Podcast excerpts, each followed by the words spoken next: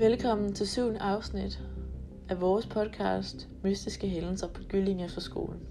I dag vil jeg fortælle om endnu en mystisk hændelse, der er foregået på efterskolen. Afsnit 7 hedder Forudsigelser og handler om pigen Ella og hendes veninder, der leger en leg, der ender med en mystisk dødelig udgang. For et par år siden gik der en pige på Gylling Efterskole ved navn Ella – en aften sad Ella sammen med sin gang og legede lidt som en fjer stiv som et bræt. Det er en leg, hvor deltagerne sidder i en cirkel omkring en enkelt person, som skal ligge på ryggen i midten af cirklen. Personen har foldet sine hænder over brystkassen som et kors og gør sig selv stiv i hele kroppen. Personen skal simulere at være død.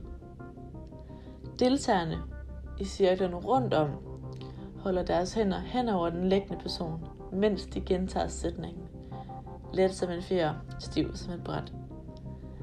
Når den er gentaget mange gange, skal deltagerne i cirklen placere to fingre fra hver hånd under den liggende person.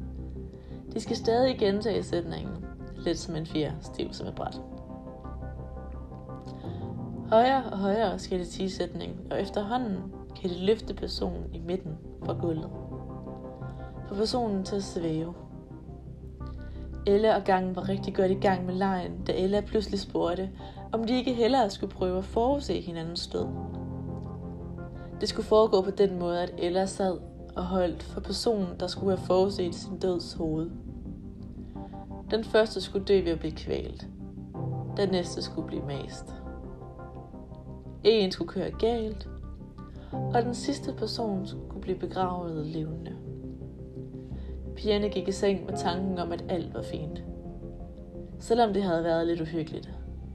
Ella var altså bare lidt creepy nogle gange. Om morgenen gik pigerne til morgenmad. De satte, på, de satte sig på deres plads i spisesalen. Pludselig blev der råbt efter hjælp. Og der, der døde den første. Anna var blevet kvalt i sin egen morgenmad. En af pigerne kom til Ella og konfronterede hende med, at det var præcis på samme måde, som hun havde forudset det. Pigen blev bare efterladt alene på gangen, da Ella vendte sig om og gik. Nogle dage efter den tragiske ulykke skete det igen. Nyheden spredte sig. Maria var kørt galt på vej til skolen. Hun havde mistet livet. Nana, som også var med til at lege lejen, var taget hjem af skræk efter de to, to forfærdelige ulykker. Da Nana var ude at handle på vej ind i butikken, blev hun mast mellem skydedørene i butikken. De stoppede ikke. De mæste sig bare sammen. Den sidste pige, Julie, kom til Ella og mente, at hun fortjente en forklaring. Hun havde prøvet at tage sig selv. Ella fortalte hende, at hun kun kunne dø på den måde, som hun havde forudset. I dag er alle pigerne for lejen døde undtagen Ella. Og kort tid efter alle pigerne var døde, droppede Ella ud af efterskolen. Ingen har hørt fra hende siden.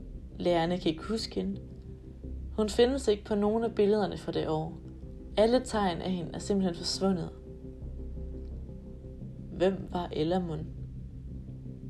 Det var afslutningen på syvende afsnit i serien Mystiske hændelser på Gylling Efterskole. Hør med i næste afsnit af denne podcast, hvor vi skal høre om endnu en mystisk hændelse.